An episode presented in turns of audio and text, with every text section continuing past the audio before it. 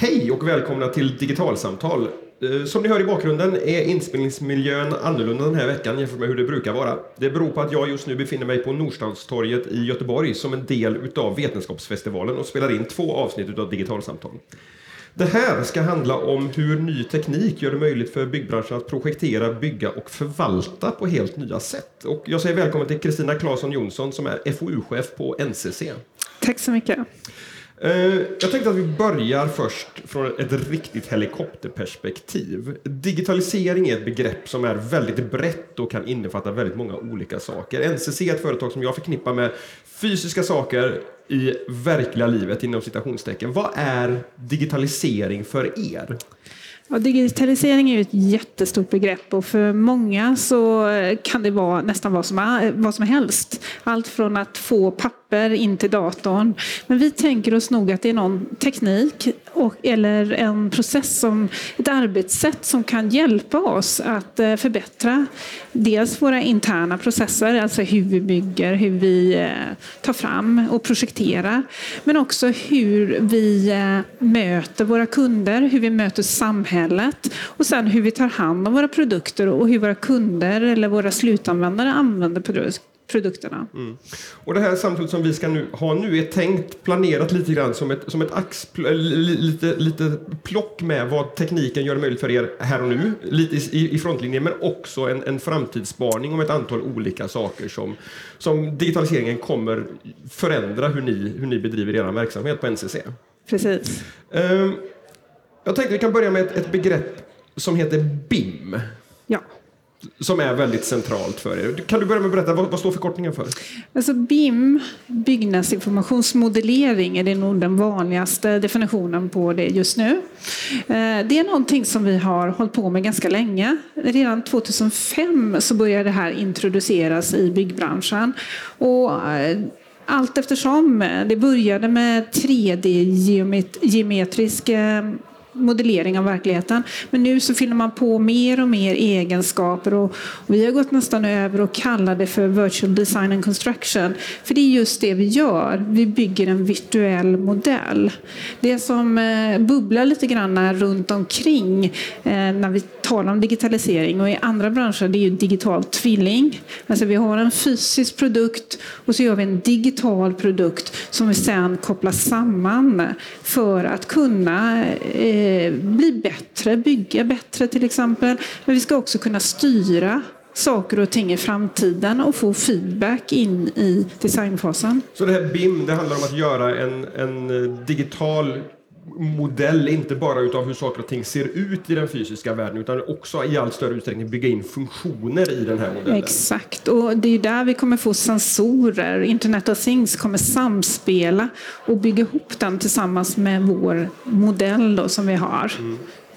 Vad, vad blir nyttan för er i, i, med den här typen av inte bara eh, en, en, åt, en, en digital representation av hur saker och ting ser ut, utan faktiskt hur de fungerar?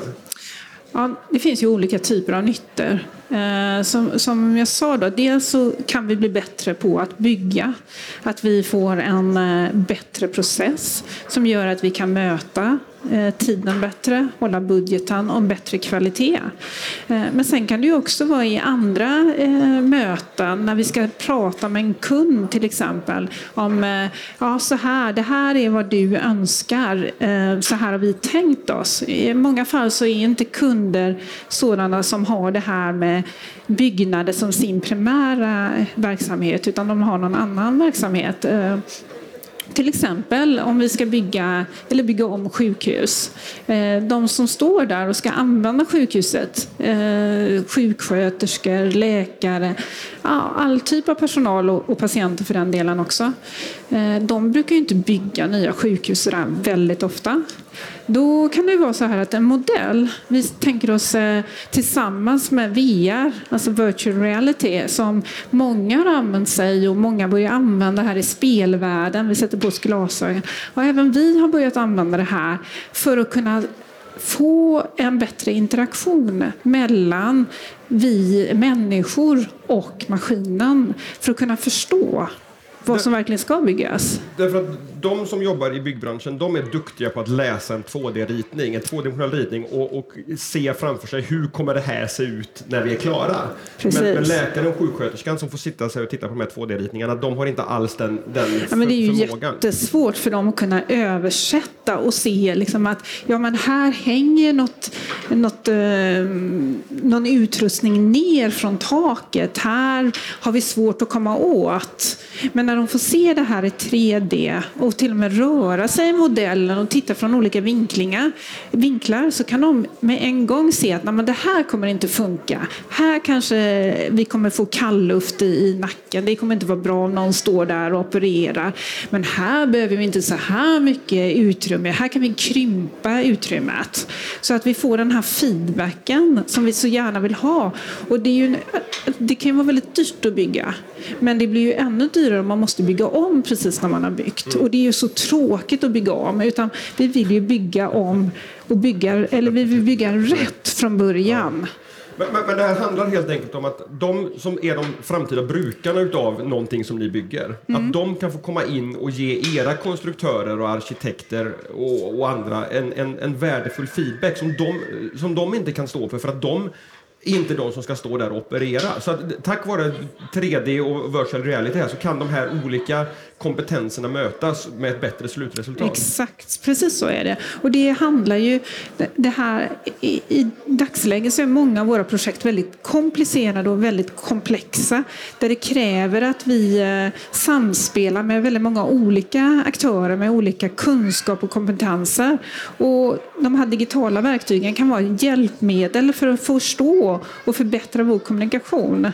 För ofta så är det så att det är kommunikationen som brister. Vi förstår inte riktigt varandra, vi har inte den bakgrunden. Och de här verktygen kan hjälpa oss att förstå varandra bättre.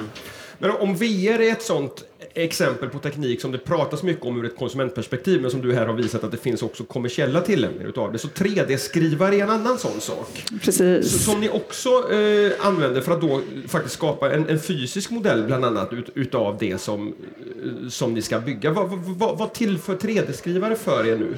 Alltså 3D-skrivaren har ju varit väldigt hett ett tag och man har tänkt att nu ska vi kunna printa ut allting eh, hur som helst. Och vi i byggbranschen, vi, eh, vi, vi har fortfarande lite problem att hitta hur ska vi kunna använda det här, den här tekniken på bästa sätt. Vi har kvalitetsproblem, ytor och sånt. Men vi ser ändå en potential.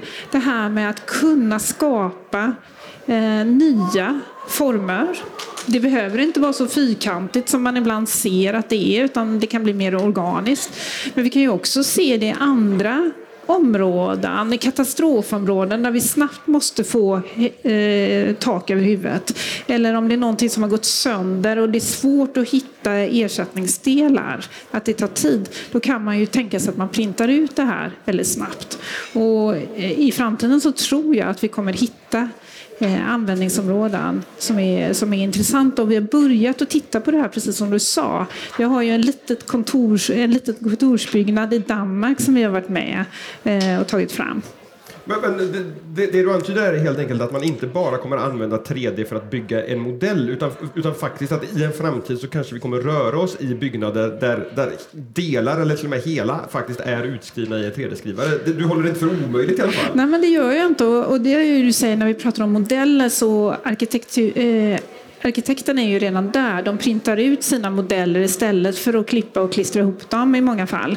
Och där kan man ju riktigt se när vi ska ta fram och optimera eh, vissa delar och komponenter kan man också tänka sig att 3D-skrivaren gör det. Men i framtiden tror jag faktiskt det att vi kommer se 3D-printing av, av hela, eller i varje fall delar eh, i början, icke-bärande delar eh, av hus och, och byggnader. Eh, en annan teknik som, som jag har sett att det börjat pratas om lite grann, det är inte riktigt lika väldiskuterat som, som 3D-skrivare och VR, men det är något som kallas för exoskelett. Som handlar om att man bygger eh, ett skelett men som inte ska sitta i, inne i användaren utan på användaren och som ska ge nya förmågor, styrka, precision och så vidare. Där tänker ni också att byggbranschen har... Många gånger så diskuteras det här som, som hjälpmedel för personer med funktionshinder men, men, men du ser andra kommersiella tillämpningar för det också?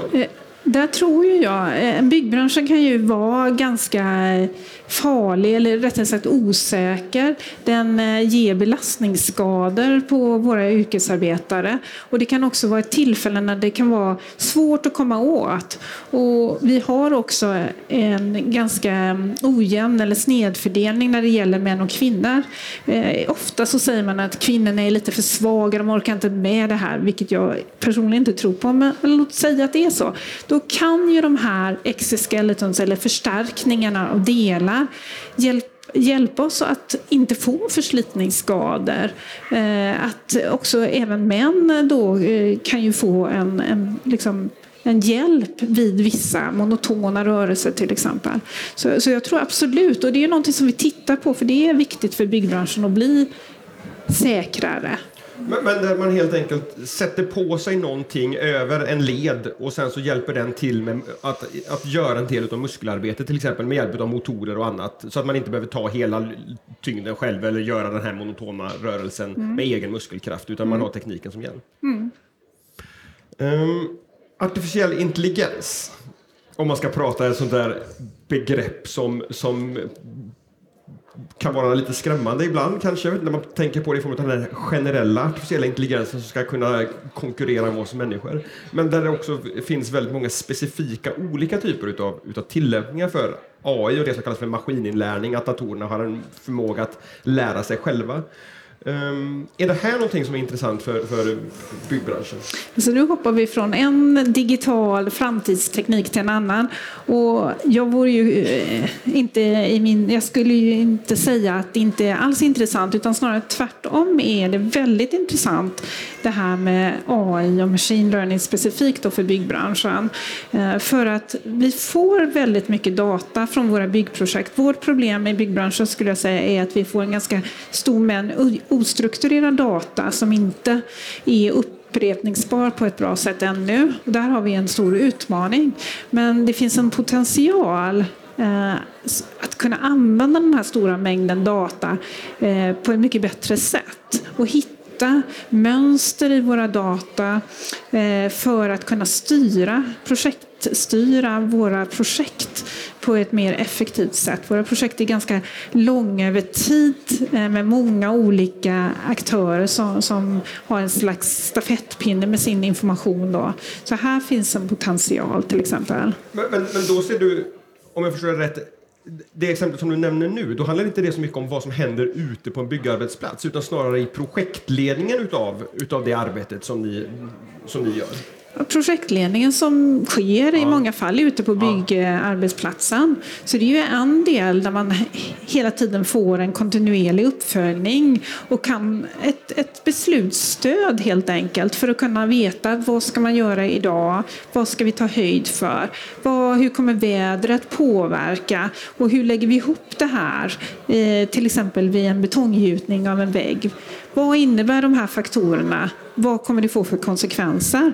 Det kan vi med hjälp av data då eh, kunna se. Vi kan ju också använda datan för att kunna eh, ha den ur ett arbetsmiljösäkerhetssynpunkt. Då, okay. Där vi kan eh, försöka att identifiera eh, image recognition till exempel, identifiera farliga moment. Vi kan identifiera saker som inte ska vara där. Vi ska kunna uppdatera våra modeller väldigt snabbt för att kunna ge oss igen ett beslutsstöd. Det som du sa i början då att vi känner ofta ett hot att AI eller någon, någon liksom utomstående digital kraft kommer ta över. Um, och vi kommer ju se en förändring, det är ju helt klart. Ett förändrat arbetssätt kommer vi säkert se. Det, det har ju aldrig gått så fort i förändringen som det gör just nu. Och vi kan ju säga att det kommer aldrig gå så här långsamt i förändringen i framtiden. Så att uh, mycket kommer ske. Fascinerande paradox. Uh, jag tänker ibland när jag sitter i en konstruktion oavsett om det är en, en berg och dalbana eller en, en stor bro. Att, att Okej, okay, undrar hur jag skulle förhålla mig till att, att vara den som har, har ansvaret för att göra hållfasthetsberäkningar och så vidare på det här. Att, att eh, ha ett, ha en drivkraft kanske att ta i lite extra eh, och lite extra till för att vara säker på att saker och ting ska hålla och så vidare. Hur kan AI hjälpa er i, i, i liksom det här att, att dimensionera och räkna på, på liksom säkerhetsmarginaler och så vidare i, i de projekten som ni har?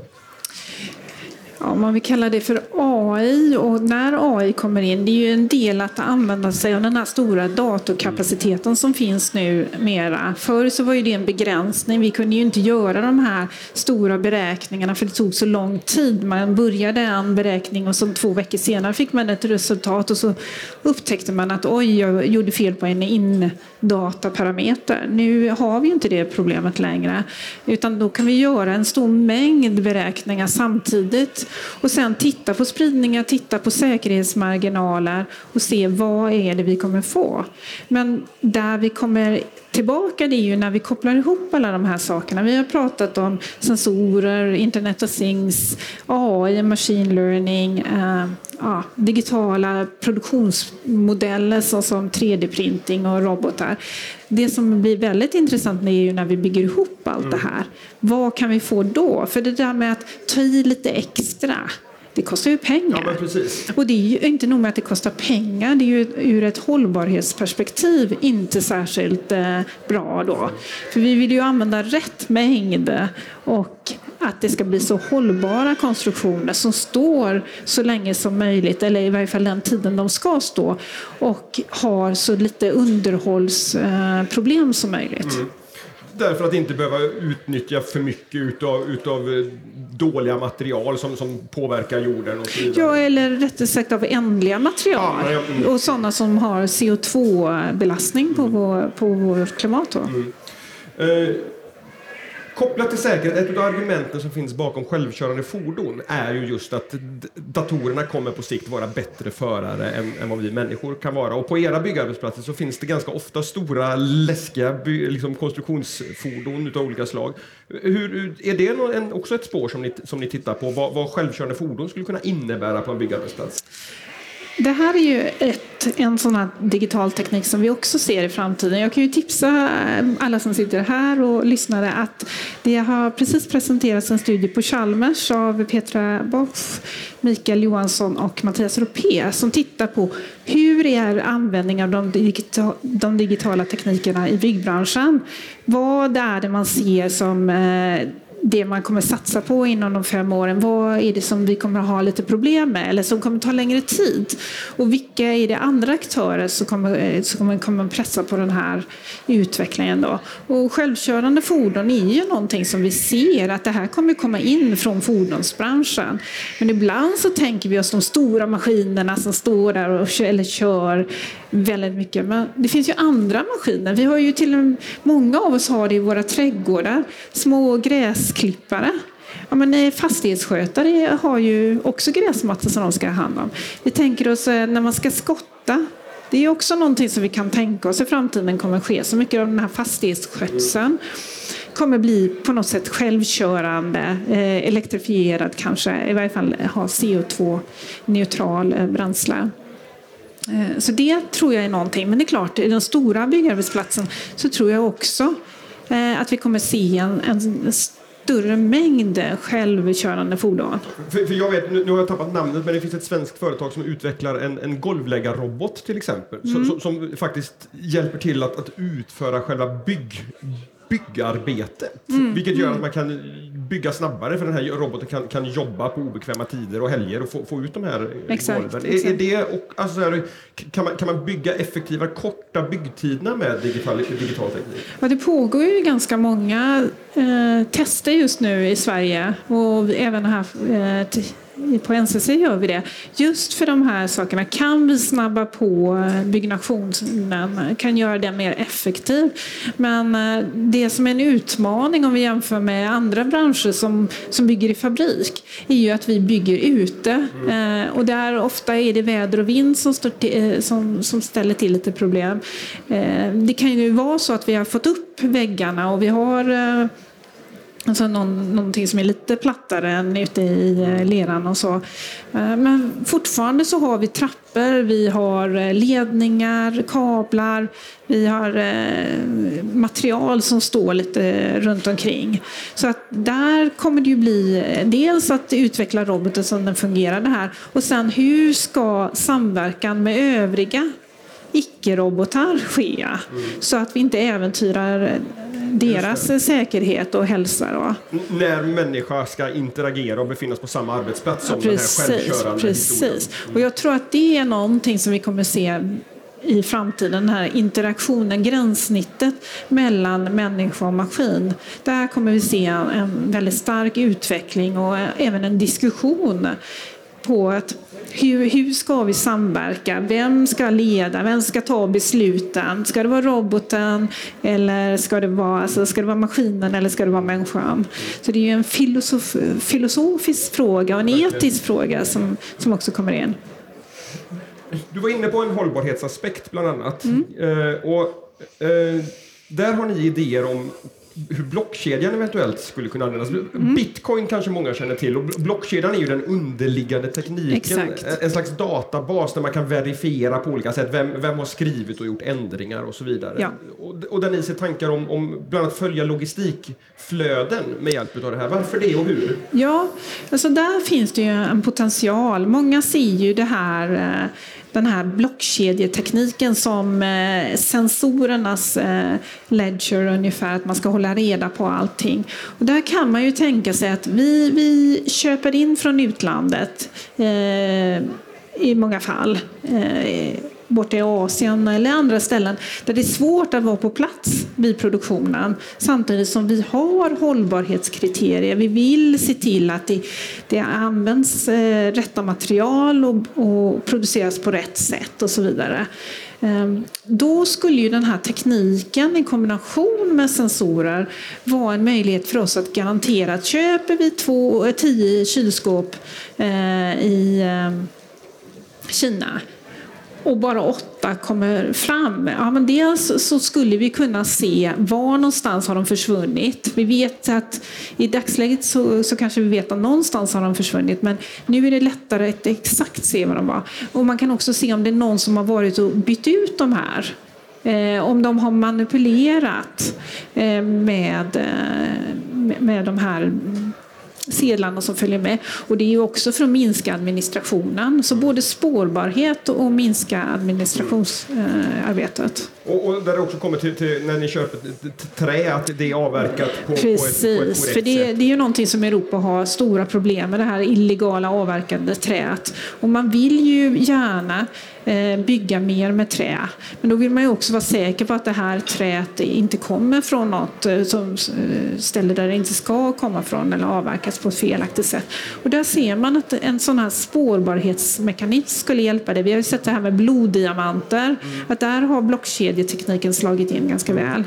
Svart arbetskraft är en annan eh, idé. Som, det är också någonting som man skulle kunna tänka sig att se till att, eh, att den personal som vi har på våra byggarbetsplatser har rätt kompetens, att anställa på ett eh, rätt sätt med de villkoren som vi vill ha. Och det, det, är också en säkerhetsfråga att vi vill ju verkligen se till att alla som är på byggarbetsplatsen vet hur en byggarbetsplats fungerar och vilka regler och så vidare som gäller. Så, så det är ju både för, för individen och för dem runt omkring som det är väldigt viktigt.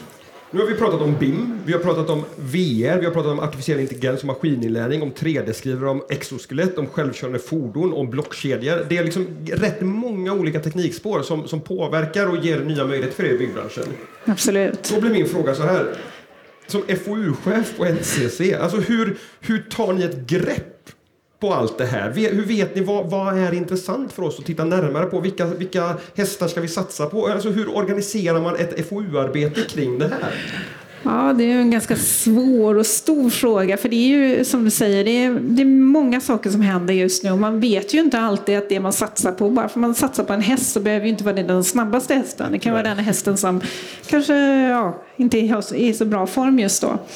Eh, men samtidigt så är ju det sättet som vi jobbar att vi har väldigt mycket kontakter med högskolorna, med forskningsinstituten för att kunna se vad är det som pågår där. Det är extremt viktigt för oss att få den känslan och få de kontakterna. Med den akademiska forskningen? Med den akademiska forskningen och även jobba med utveckling och test inne i företagen. Och ibland så jobbar vi ju branschgemensamt för vi känner att hela branschen måste höja sin kompetens då. Mm.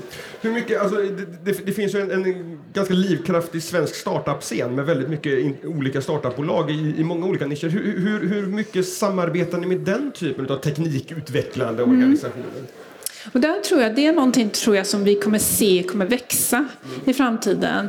Eh, det handlar ju mycket om vad är det som är ens kärnverksamhet och vad, när måste man alliera sig? Och det här med co-creation har vi hört, vi har talat om startups och hur startupsen inte ska kunna ätas, eller hur man motverkar att de äts upp av stora företag utan får möjlighet att att tillsammans med stora företag då utveckla eh, verksamheterna på, på, på, på, ett bra sätt. Och där tror jag att vi kommer se att eh, eh, dels kommer det lyckas i vissa fall och misslyckas i andra fall. Det här är liksom en lärande process för oss. Mm.